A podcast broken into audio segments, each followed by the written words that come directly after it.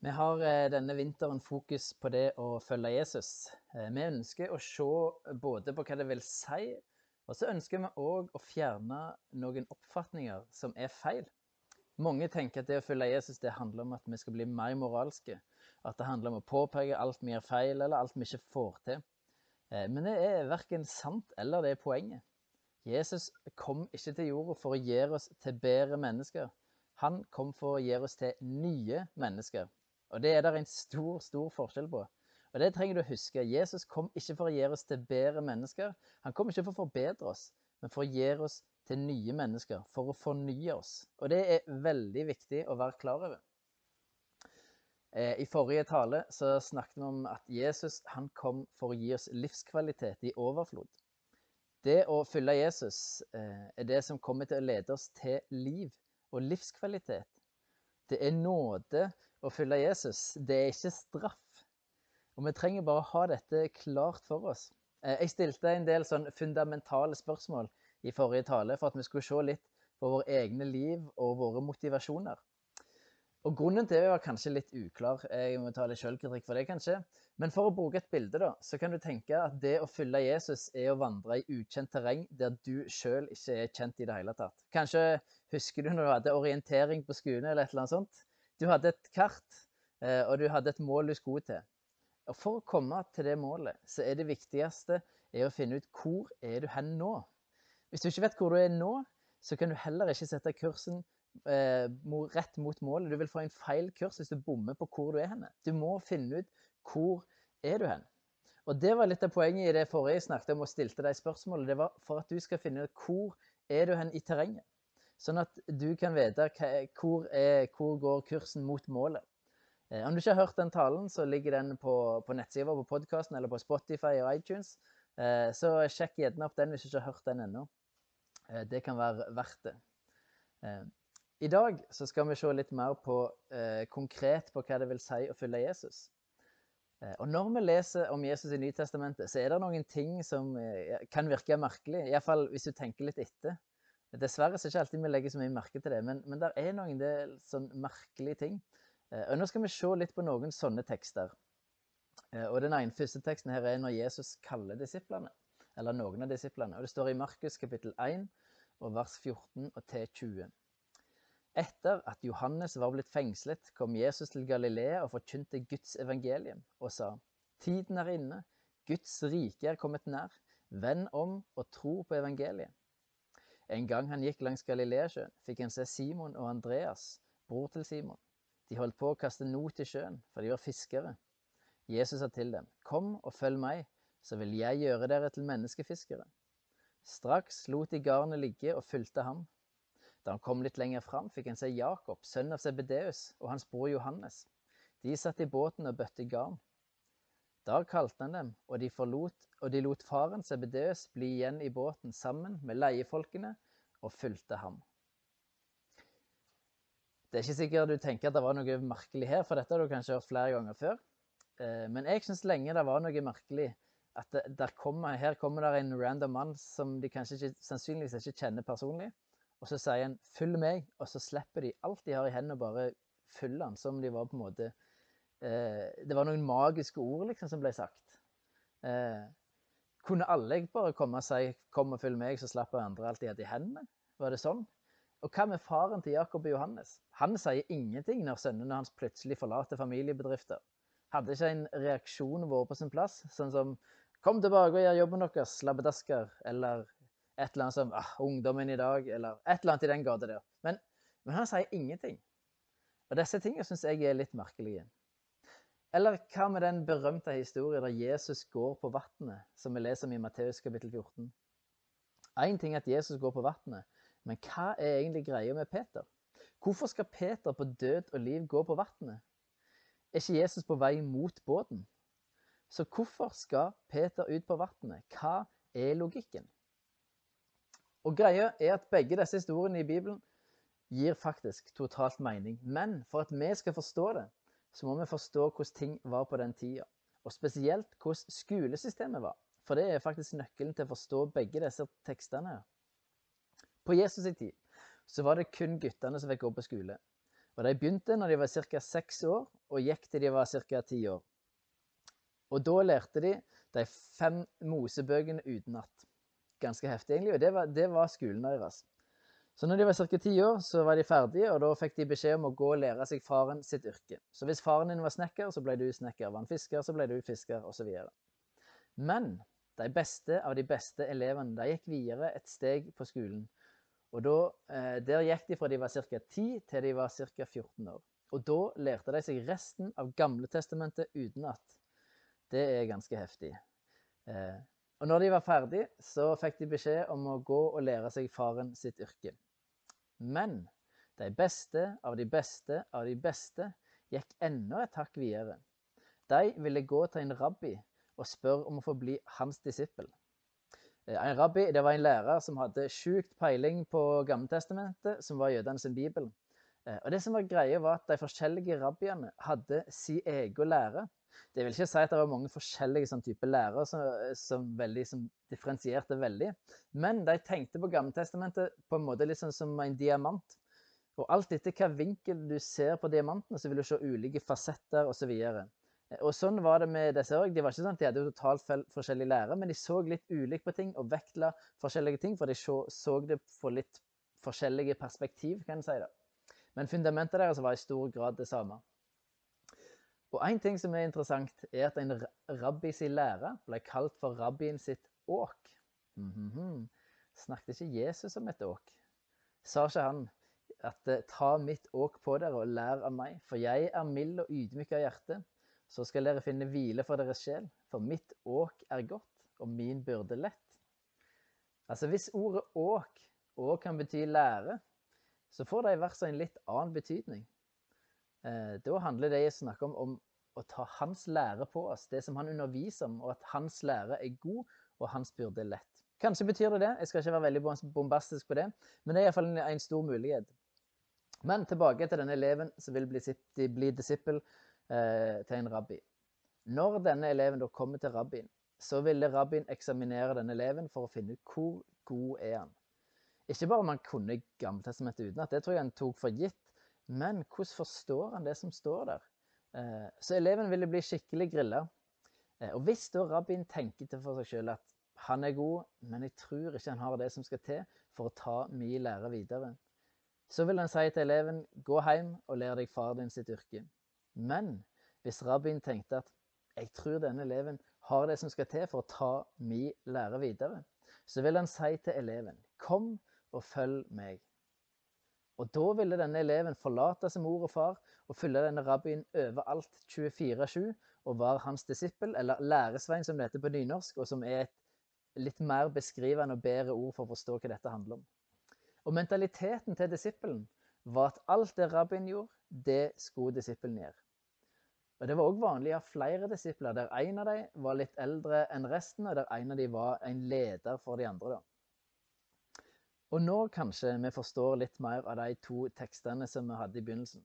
Når Jesus, som er en rabbi, kommer på stranda og sier 'kom og følg meg', så er det et veldig stort øyeblikk. Og det er en stor anerkjennelse at det er en rabbi som har trua på dem.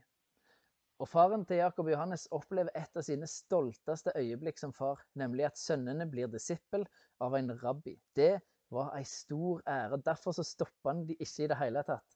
Han, han ville sikkert Kom igjen, gå. Dette er stort.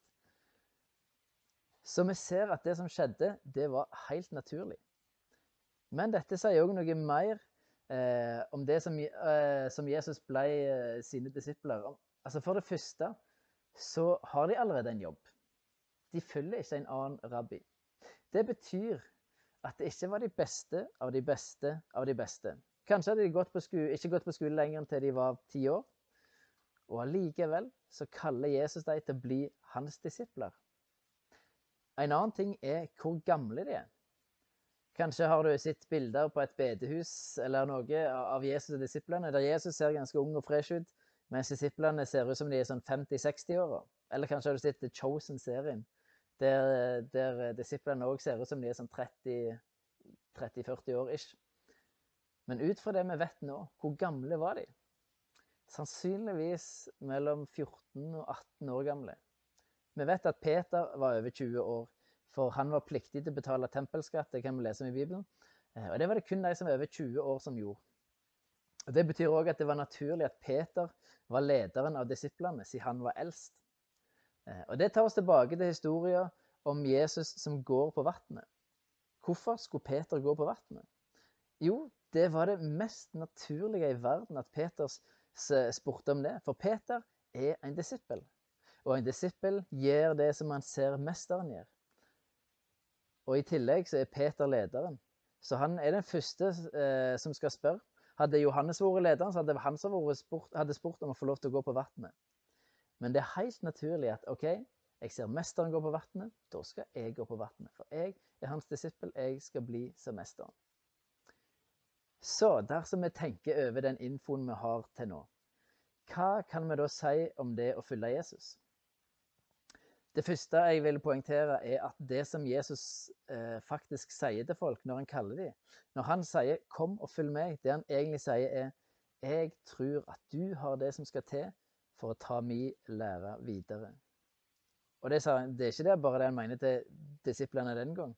Det er det han sier til meg og deg òg. Jesus tror på oss. Og Det er viktig å forstå at Jesus har et veldig positivt syn på oss. Det er veldig viktig at vi tror på Jesus, men det er òg viktig å være klar over at Jesus tror på deg. En annen ting som er viktig å merke seg, er at Jesus stiller ikke krav til kunnskap eller evner. De som Jesus kaller, er ikke de beste. Det er alle typer folk som Jesus kaller, uavhengig av evner, av kunnskap og historie. Det, de tingene der er ikke relevant for Jesus. Og Det er viktig å ta med seg. Jesus har ikke de kravene som vi kanskje tenker at han har av og til. De har han ikke. Eh, det er ikke de beste av de beste som blir kalt, men det er faktisk alle typer folk. Og Dette sier òg noe om at det å følge Jesus, det er ikke noe som en gjør på søndagen eller når det passer seg sånn. Det er noe du gjør 24-7. Det er ikke meint å være et element i livet, men det som du orienterer alt annet rundt. Når vi tror på Jesus og følger han, så er det Jesus som er referansepunktet for alt annet i livet. Det er det som er sånn det er meint å være. Det å følge Jesus er en livsstil. Og Når jeg sier disse tingene, så mener jeg ikke at Jesus forventer at vi skal leve perfekte liv. Eh, og det, det, det er ikke tilfellet, og det står heller ingen plass at det skal være lett. Jeg syns det er vanskelig å følge Jesus. Det kan jeg være veldig ærlig på. Jeg syns det er vanskelig, og det er av og til eh, veldig utfordrende. Men det er ikke det det handler om jeg får det til eller ikke. Men det handler om en mentalitet. Det handler ikke om ferdigheter eller resultat. Det, dette handler om at når noen kommer til tro på Jesus og begynner å følge ham, så får en en ny identitet. Det er noe helt nytt som skjer. Derfor er det så mange ting som endrer seg i livet, og vi får et nytt referansepunkt i livet som heter Jesus. Det er han vi skal måle ting opp imot. Og til slutt så ser vi at å følge Jesus ikke kun er en teori eller fine tanker, men det er òg handling. Eh, en disippel, eller læresvein eller lærling, eh, kall det hva du vil, han lærer av å etterligne mesteren sin. Ikke bare i handling, men òg Han skal ikke bare bli lik mesteren sin i, i de tingene han gjør, men òg i måten han tenker om folk, verdisyn, tenkemåte osv. Og, og igjen, dette handler ikke om et perfekt liv. Det handler ikke om å bli bedre mennesker, men om å bli et nytt menneske ved hjelp av Den hellige ånd.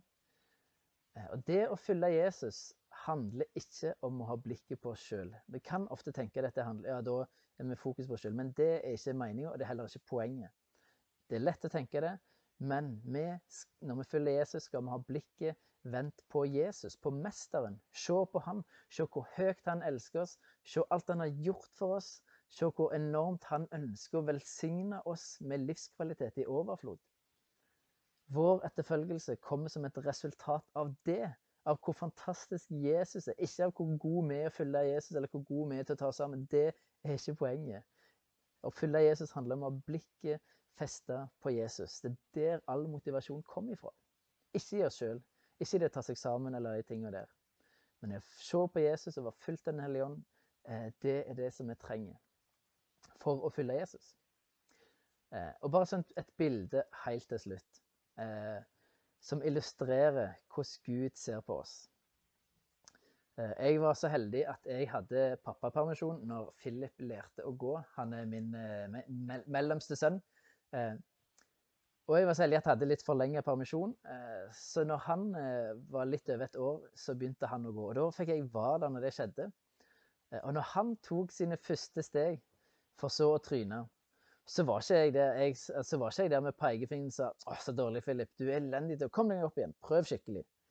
Selvsagt sa jeg ikke det. Jeg var jo supergira, for han tok noen steg. Jeg var så gira at det, var jeg som løfta han opp igjen for at han skulle prøve igjen. Jeg sa 'Kom igjen, Philip. Prøv igjen. Prøv litt til. nå klarer du enda flere steg. Kom igjen.' Og så løfta jeg den opp igjen, og så tryna han, og så løfta jeg den opp igjen, og så tryna han. Og det var jeg som ville fortsette, det var ikke han som ville fortsette å gå. Han ble litt sur til slutt. Men for meg så var det så fantastisk å se at han tok noen steg. Jeg var ikke opptatt av at han datt. Selvsagt ikke. Jeg var opptatt av stegene han tok. Og sånn er Gud. Han er ikke politi som er ute til å ta deg eller finne feil på deg, eller de tingene der. men han fryder seg når du tar noen steg. Når du følger han og fikk det noe som du ikke fikk til før, eller nærmer deg Gud, eller ligner mer på Jesus som du ikke gjorde før. Han er ikke ute til å ta deg når du tryner. Og hvis du tryner, så løfter han deg opp igjen og sier 'Kom igjen, prøv en gang til. Neste gang fikser du det. Kom igjen, jeg er med deg. En gang til.'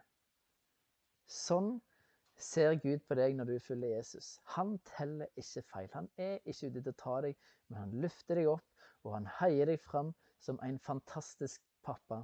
Og det er så, så viktig å ha det perspektivet når vi skal tenke på det å følge Jesus.